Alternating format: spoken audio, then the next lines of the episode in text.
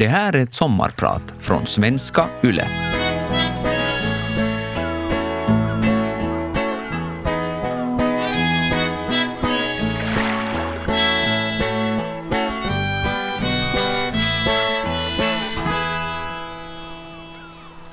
Jag vaknar av att flera helikoptrar flyger mycket lågt över vårt hus i Kalifornien. Rutorna skallrar av vibrationerna. Jag kollar klockan, bara några minuter över fem och det börjar ljusna ute.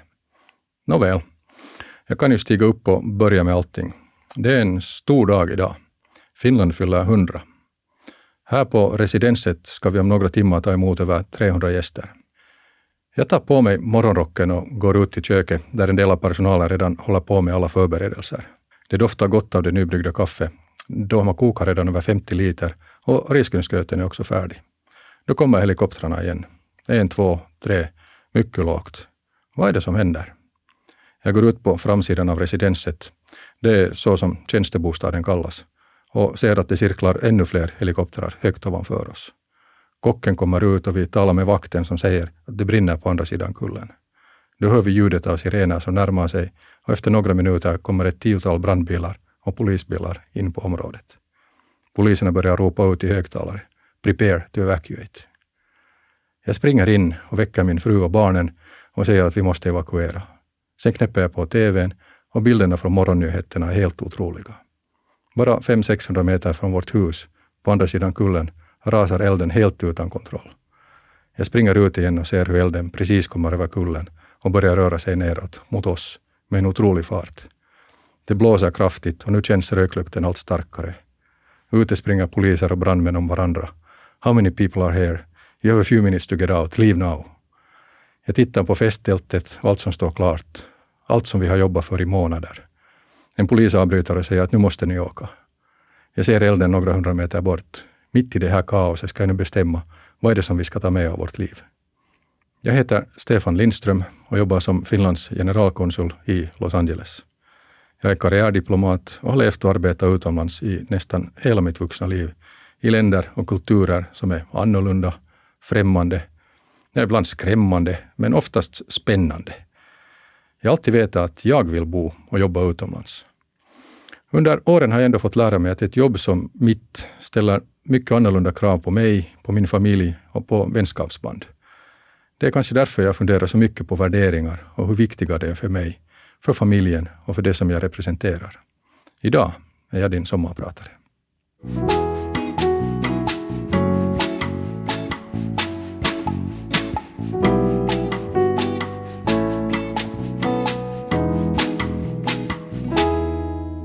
Jag är alltså yrkesdiplomat. Diplomati är ett otroligt mångfacetterat yrke och den bild som medierna skapar är ofta ganska ensidig och gammalmodig och ganska fel, vågar jag påstå. Vad, vad tänker du på när du hör ordet diplomat? Den vanliga bilden även för mig när jag var ung var mystik och spioneri och stora plenisalar med tunga, mörka möbler, kristallkronor i taket och gubbar i guldram på väggarna. Det sitter herrar och gubbar i mörk kostym och jackett och, och vad som helst och dricker champagne och röker cigarr och diskuterar världsläget. Som de flesta andra så hade jag en rätt så ensidig och gammalmodig syn på diplomatlivet som någonting exklusivt. Men döm om min förvåning när jag besökte en ambassad och olika FN-kontor för första gången i samband med ett studiebesök till Genève i slutet på 80-talet. Istället för gamla möbler och glamour så var det helt vanliga kontor med vanliga kontorsmöbler och helt vanliga tjänstemän. Men trots eh, besvikelsen, om man nu sen kan kalla det så, så väcktes mitt intresse för det här mytomspunna yrket. Det är ju intressant att ibland fundera på vad vi egentligen är som människor. Och den bästa definitionen som jag har kommit på är det att egentligen så är vi en samling erfarenheter, upplevelser, möten med andra människor, men framför allt värderingar. Jag brukar också fundera på vilka de viktigaste händelserna hittills har varit i mitt liv. De små besluten som ändå påverkar så mycket och de som har format mig till den jag är idag.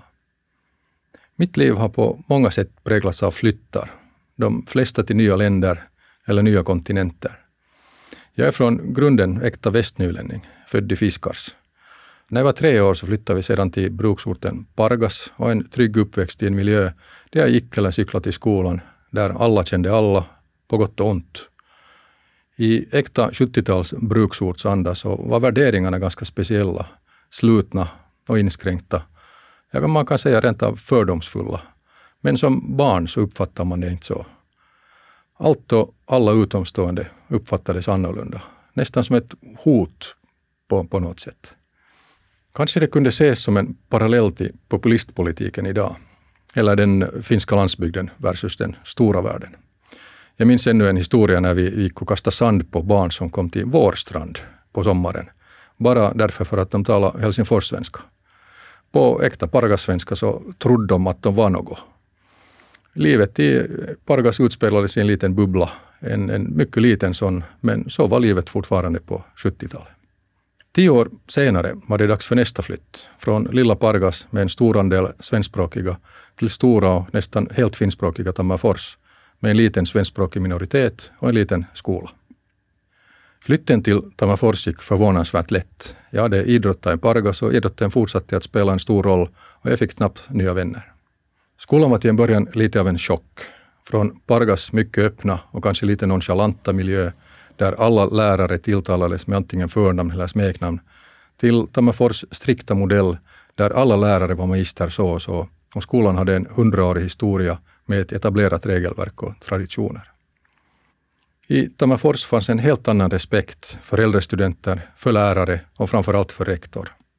Eftersom skolan var så liten fick eleverna helt annan personlig vägledning på ett annat sätt än i Pargas. Och bra så. Mycket av mig, det som finns idag, formades där. Respekt, värderingar, synsätt, åsikter, etik, moral. Ja, den här listan är, är ganska lång.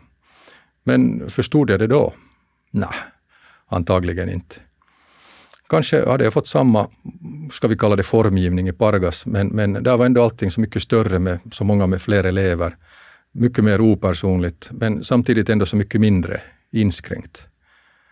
Under mitt sista år i Pargas så uh, minns jag att vi fick ett nytt ämne, yrkesvägledning. Läraren försökte få mig att sluta läsa långmatematik och språk för att jag istället skulle rikta in mig på att bli svetsare. För svetsare kommer det väl alltid att behövas. I Tammerfors var inställningen helt annorlunda. Där var det nästan en självklarhet att fortsätta till gymnasiet och vidare till universitet. Det fanns inte liksom på något sätt ett, ett alternativ.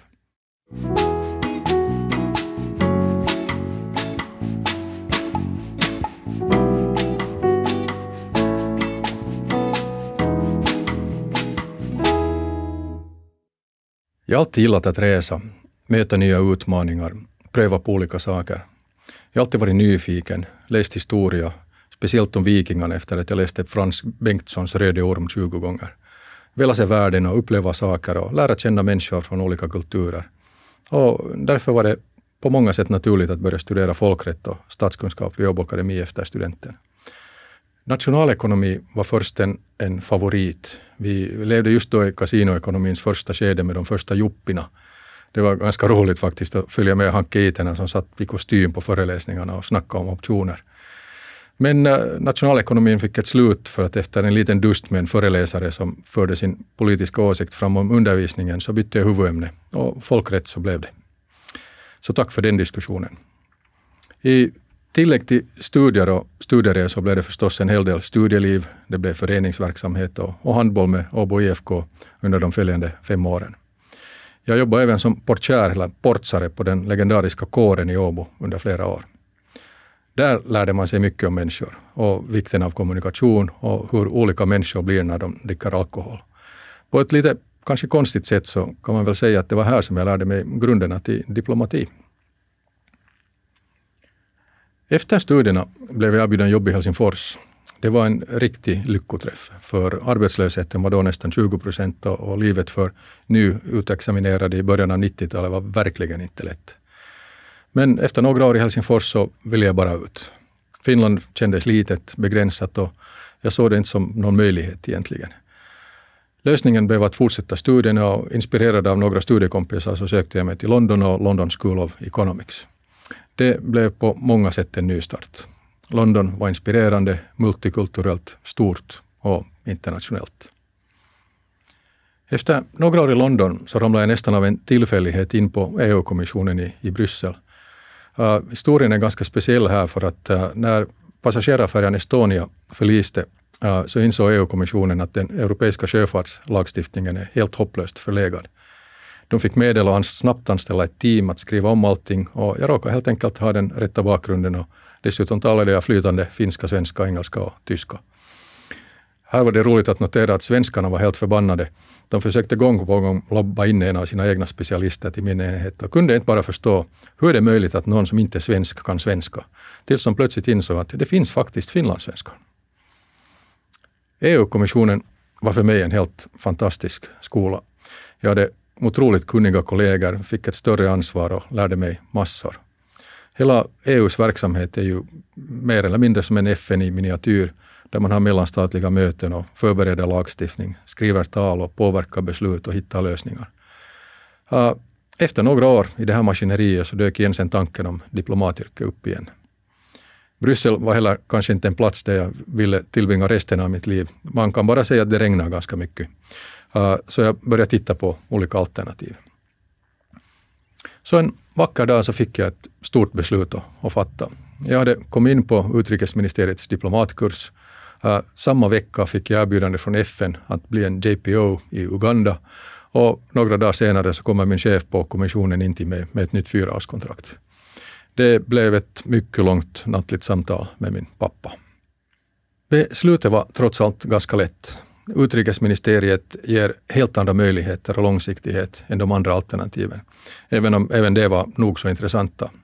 Så det blev att packa väskorna och flytta tillbaka till Helsingfors.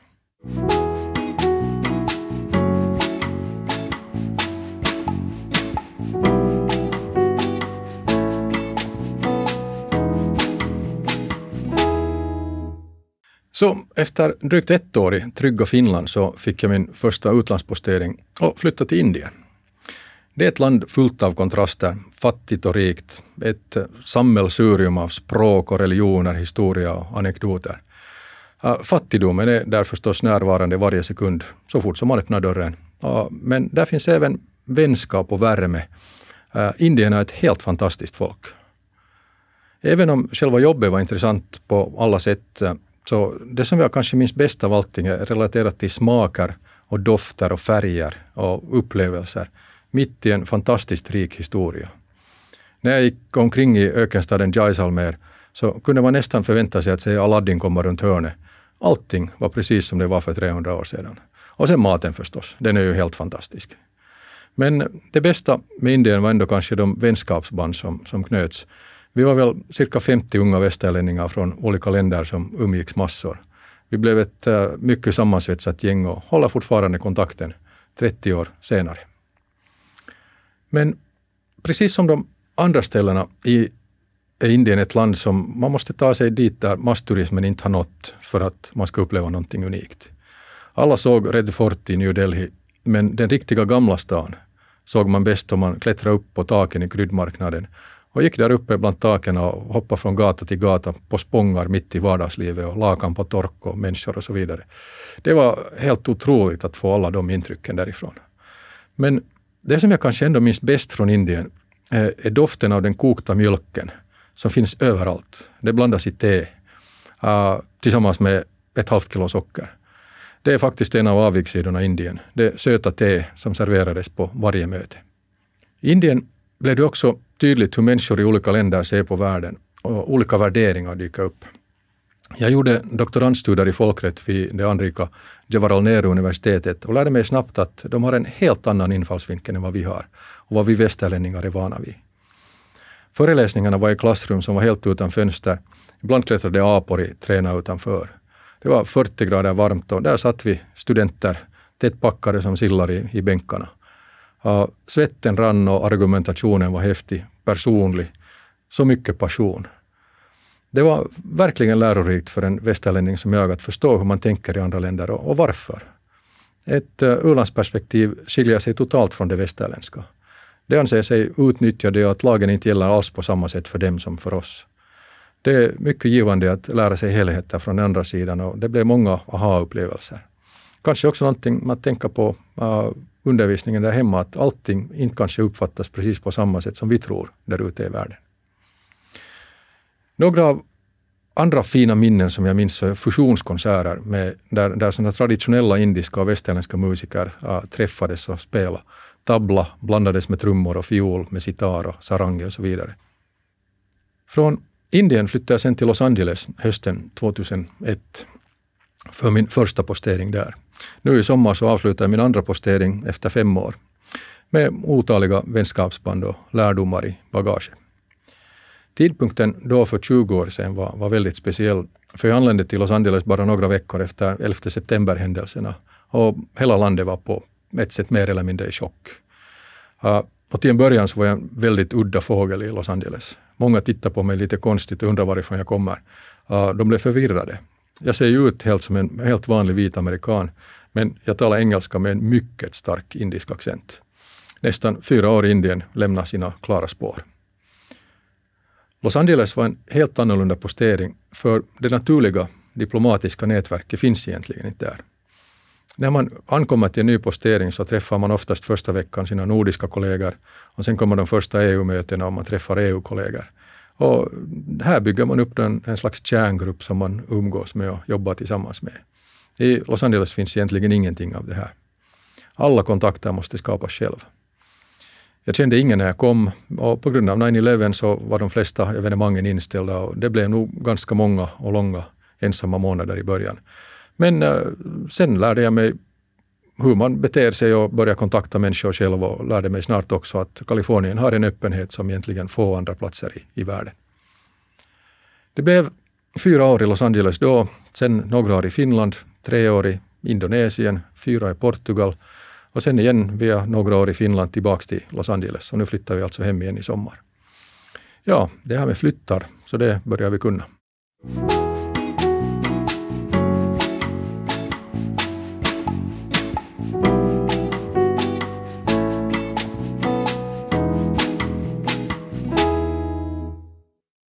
Jag heter Stefan Lindström. Jag är karriärdiplomat och jag är din sommarpratare idag.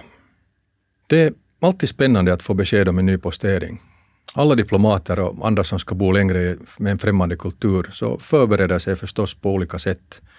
Själv brukar jag alltid börja med att lära mig så mycket som möjligt om, om landets historia och också kulturhistoria.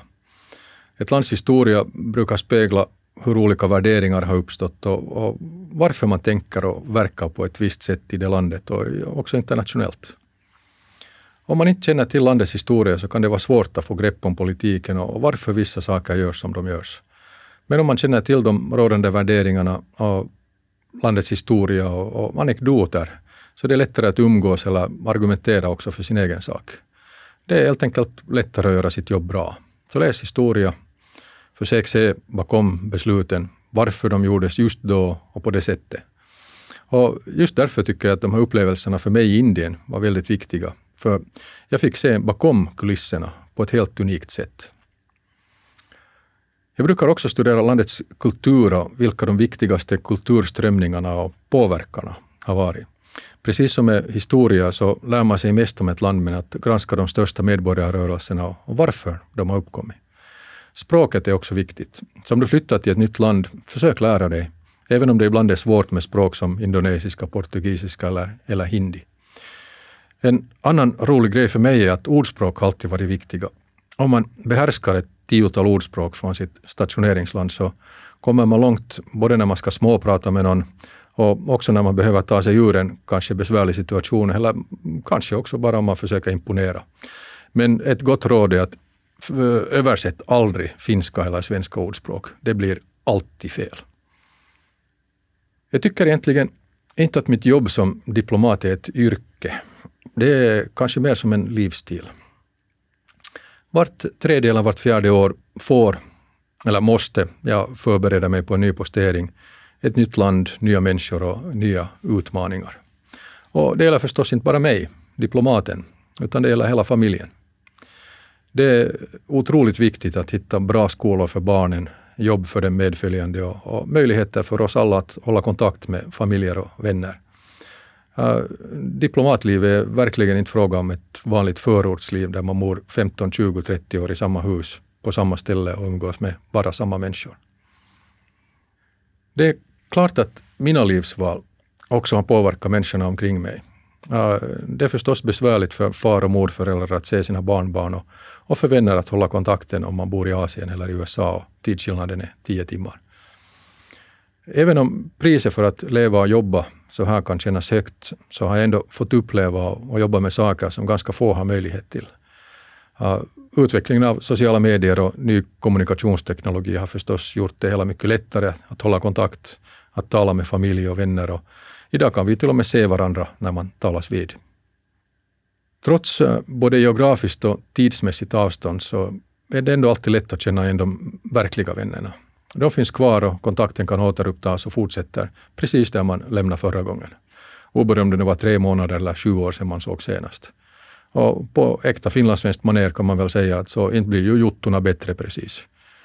Jag har också flera kompisgäng och nätverk som är väldigt viktiga för mig och har funnits länge. Det är klart att det också finns människor som inte alltid uppskattar vad jag gör och det kringflackande liv som jag lever. Men det, det är deras val och vänskap kan aldrig påtvingas. Det ska vara naturligt och det ska kännas bra. Även om min livsstil har blivit en naturlig del av mig så kan det för andra kännas ovant, kanske till och med lite hotfullt. Jag hörde tidigare till ett kompisgäng. Vi hade våra traditioner men i, i något skede så slutade de att bjuda in mig till sommarfesterna när jag var hemma i Finland. Och det visade sig att jag hade blivit lite av ett orosmoment, ett hot mot deras etablerade liv. Jag var singel då och ledde ett mycket annorlunda, kanske mer spännande internationellt liv. Och jag passade definitivt inte mera in i deras formel med stor bil och två barn och golden retriever och ett radhus köpt på skuld i Esbo. Vi gör alla våra val och väljer vad som gör oss trygga och vad som gör oss lyckliga. Han gör det jag alltid velat göra, men nu sitter jag fast här i ekorrhjulet och kommer han hit så river han upp alla de här tankarna. Så varför ska vi bjuda in honom? Det där orosmomentet. Liknande frågeställningar gäller även parförhållanden. Det är otroligt svårt att hitta en själsvän som är villig att leva med mig och dela det liv som jag lever. Flera av mina förhållanden gick åt skogen på grund av mina eviga flyttar. Bara några veckor före jag flyttade till Indien så träffade jag en fantastisk kvinna i Finland och vi blev goda vänner och det fanns möjligheter till så mycket mer. Detsamma hände både i Bryssel och, och senare i Indien. På det personliga planet är det, är det inte lätt. Och livet på posteringarna är heller inte det lättaste. Det råder inget tvivel om att eh, skilsmässoprocenten är mycket hög bland oss på utrikesministeriet. Jag är lyckligt lottad som har hittat en person som delar mina värderingar, äventyret och ser det positiva. I alla fall oftast i den här livsstilen. Min fru är jurist och lyckligtvis har också hon kunnat jobba med de saker som är viktiga för henne under de olika posteringarna. Men det kringflackande livet har ju också sina fördelar. Jag har två barn, pojkar i tonåren och, de har växt upp som riktiga världsmedborgare, kosmopoliter, som har lätt att ta kontakt och prata med nya människor. De är också väldigt nyfikna på sin omvärld och funderar mycket hur olika människor har just valt att leva sina liv på det sättet. De senaste åren i USA med Black Lives Matter och presidentvalet har påverkat dem massor. Medaljens baksida är kanske det att eh, det finns en, alltid en känsla av rotlöshet, av att höra hemma överallt men samtidigt ingenstans. I studier som gjorts på internationella bar har det visat sig att det är väldigt viktigt att hålla fast vid familjetraditioner och skapa trygghet. Uh, att ha någonstans som är och, och känns som hemma, oberoende av var man är sen helt fysiskt. För vår familj är en av trygghetsfaktorerna en hörnsoffa som rest runt med oss överallt i världen. Där har bägge barnen ammats, där har de växt upp. Det har varit TV-soffan och nu för tiden är det videospelssoffan. Och där, på samma soffa, så tar jag mig också tupplurar på söndagarna. Den andra trygghetsfaktorn i vårt liv är sommarstället Grebbestad i Sverige, där vi tillbringar så mycket tid som möjligt. Och där kan också jag slappna av helt totalt, fiska och bygga och fixa. Jag är barnsligt förtjust i allt som är gammalt och maritimt och gillar speciellt att bygga möbler av drivved. Under de här åren så har jag skaffat mig så gott som alla maskiner som man kan skada sig med, men hittills utan större incidenter.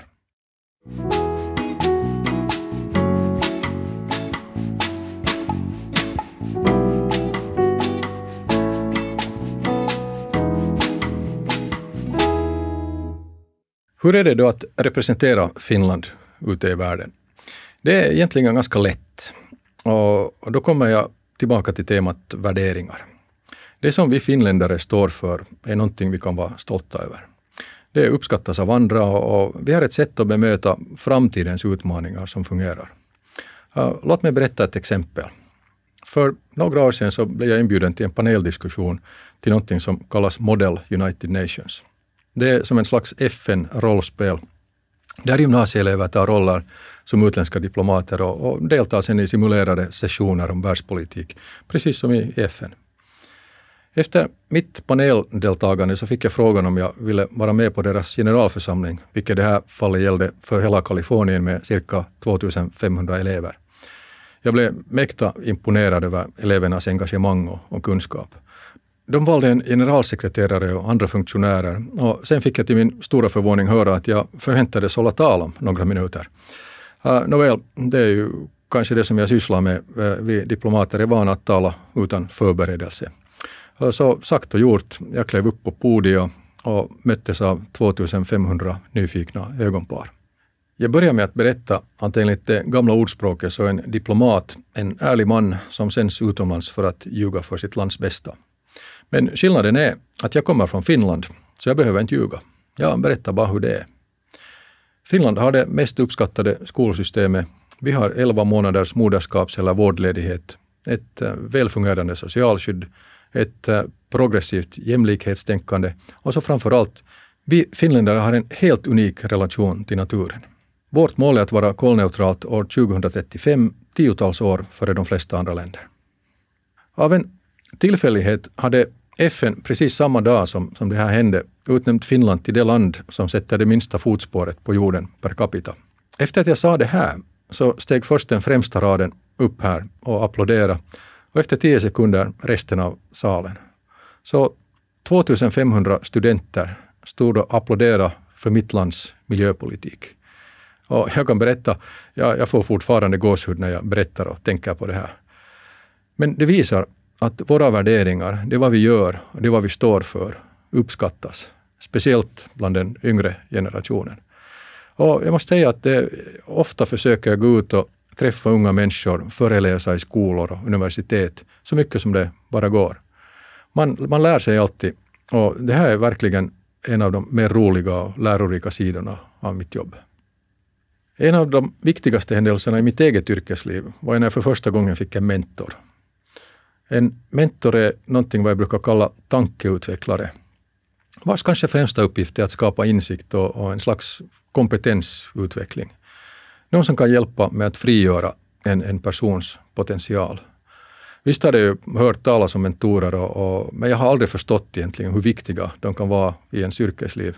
Ja, inte egentligen bara yrkesliv, utan, utan också det på det personliga planet någon med relevant livserfarenhet som, som förstår och någon som lyssnar, någon som ger goda råd. Och, och jag hade turen att hitta en mentor som fyllde egentligen alla tomrum för mig och som uppmuntrar mig, men samtidigt också utmanar mig. Han hjälpte mig att se sånt som egentligen är självklart, men som man inte egentligen tänker på. Det var bra att få ett helt annat perspektiv på saker. Vi gick igenom helheter som ansvarstagande, vikten att slutföra saker, att skapa och använda nätverk och sociala kunskaper, att ständigt fördjupa kunnande, att ha rätt attityd och vara öppen, anträffbar och, och ödmjuk. Och någonting som är väldigt viktigt är att, att hur viktigt det är att hjälpa andra. Jag lärde mig också mer om mötesteknik och, och hur man förbereder sig än, än någonsin tidigare. Gå aldrig in till ett möte utan att veta vad du vill ha ut av det. Skriv upp det på förhand och skriv upp vad ni kommer överens om under mötet. Mina egna upplevelser har också fått mig att förstå hur viktigt mentorskap är också för unga, speciellt för, för tonåringar. Vi vet alla hur mycket, eller egentligen hur lite, en tonåring lyssnar på sina föräldrar. Eller visst lyssnar de, men de vill ju inte erkänna det. Det är av någon anledning mycket lättare för en tonåring att tala med någon annan vuxen, någon som de kan lita på. Ta dig tid att tala med dina vänners barn Fråga dem hur det går, vad de har för planer, vad de har för drömmar och, och lyssna. Framförallt lyssna. Du kan göra en helt otrolig skillnad.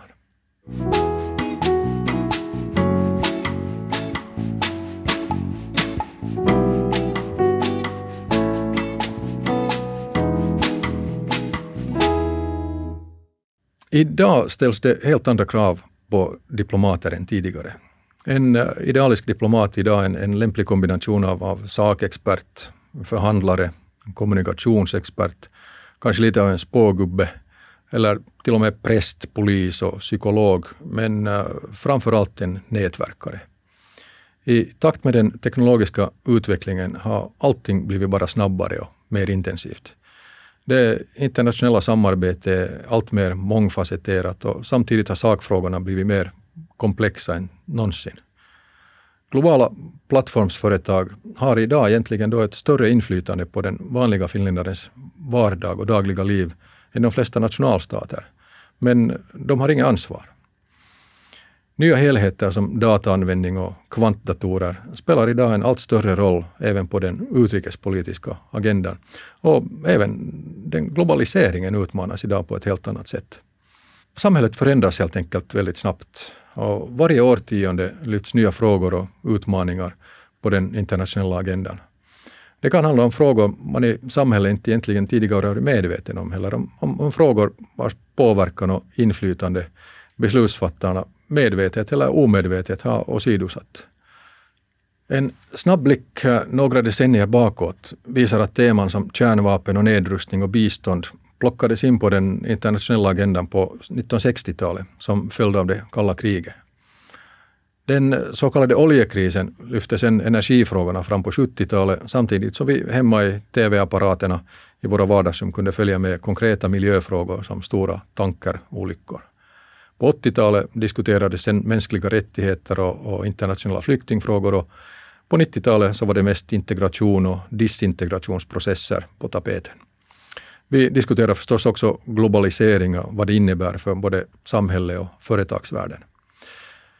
Ingen vaken finländare torde ha kunnat undvika Sovjets förfall och, och fall, äh, Finlands EU-medlemskap eller Nokias framgångar de skapar alla på sitt sätt helt egna, säregna utmaningar för diplomatin.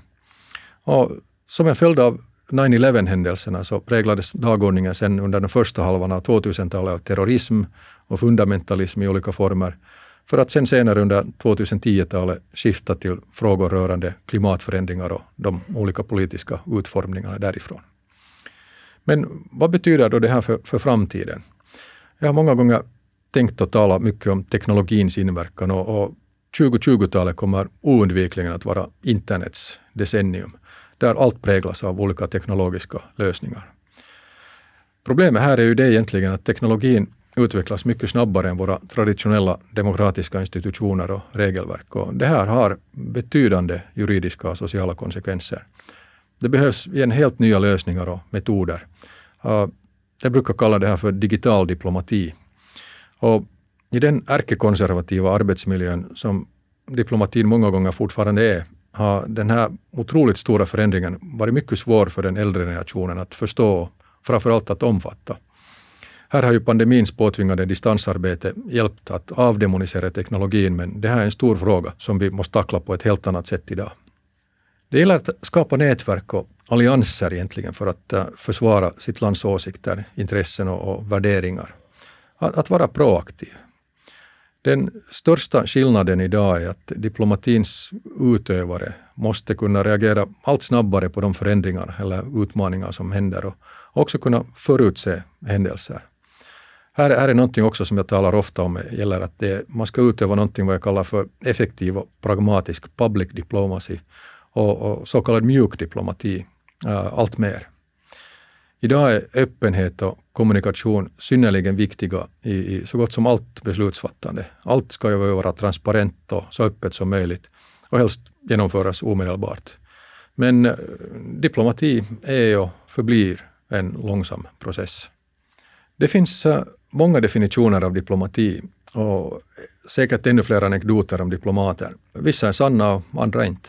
Inom diplomatin som i allt annat handlar det ändå om människor och kommunikation om att skapa förtroende, både framför och bakom kulisserna. Diplomati baserar sig ju på förtroende och allt vi gör bakom kulisserna kan inte berättas helt öppet. Talar man för mycket eller för tidigt så förlorar man folks förtroende och en diplomat utan förtroende är ingen diplomat.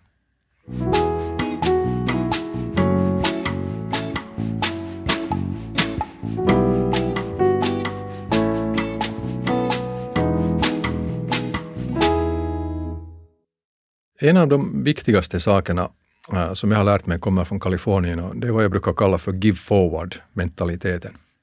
Om du kan hjälpa någon annan, så gör det. Var generös med kontakter och introduktioner, idéer, sparring och, och med att lyssna. Det kostar ingenting och du skapar en positiv cirkel på många olika sätt. En annan lärdom är att sluta klaga. Ta lärdom istället. När jag coachade fotbollsjuniorer för många år sedan så hade vi ett sånt här rättesnöre. Om, om du kan påvisa ett enda fall där en fotbollsdomare ändrar sitt beslut efter att du har ropat och skrikit och protesterat, då får du tillåtelse att klaga. Men eftersom det aldrig har hänt, så ta lärdom istället. Sluta slösa energi på att klaga. Jag brukar säga i Kalifornien att if there's a problem, you don't complain about the problem, you figure out a solution. Den sista lärdomen är kanske att uppskatta vad Finland är, hur vi lever, hur vårt samhälle fungerar. För det fungerar helt otroligt bra. Och jag kan sätta det i kontext, för jag har bott i tiotals länder. Visst kan man säga att jag på ett sätt får, får jobba med precis de saker som jag gillar. Att jag har ett drömjobb på många sätt. Men det har haft ett pris. Men det har varit mitt val. Livet är ju en samling erfarenheter och upplevelser och dofter och känslor och värderingar.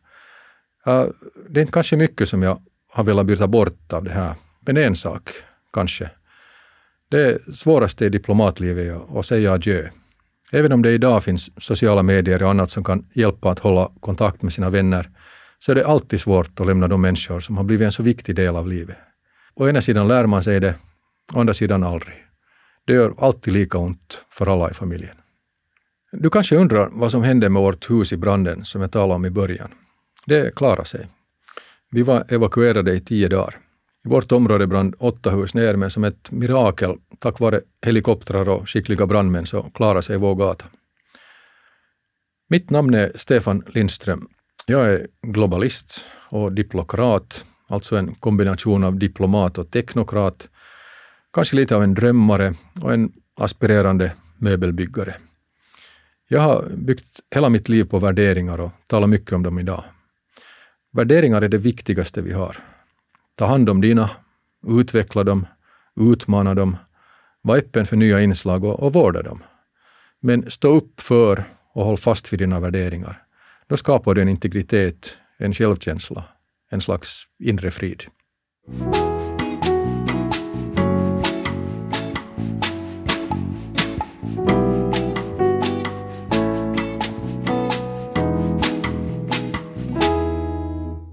Vegas sommarpratare produceras för Svenska Yle av Parad Media.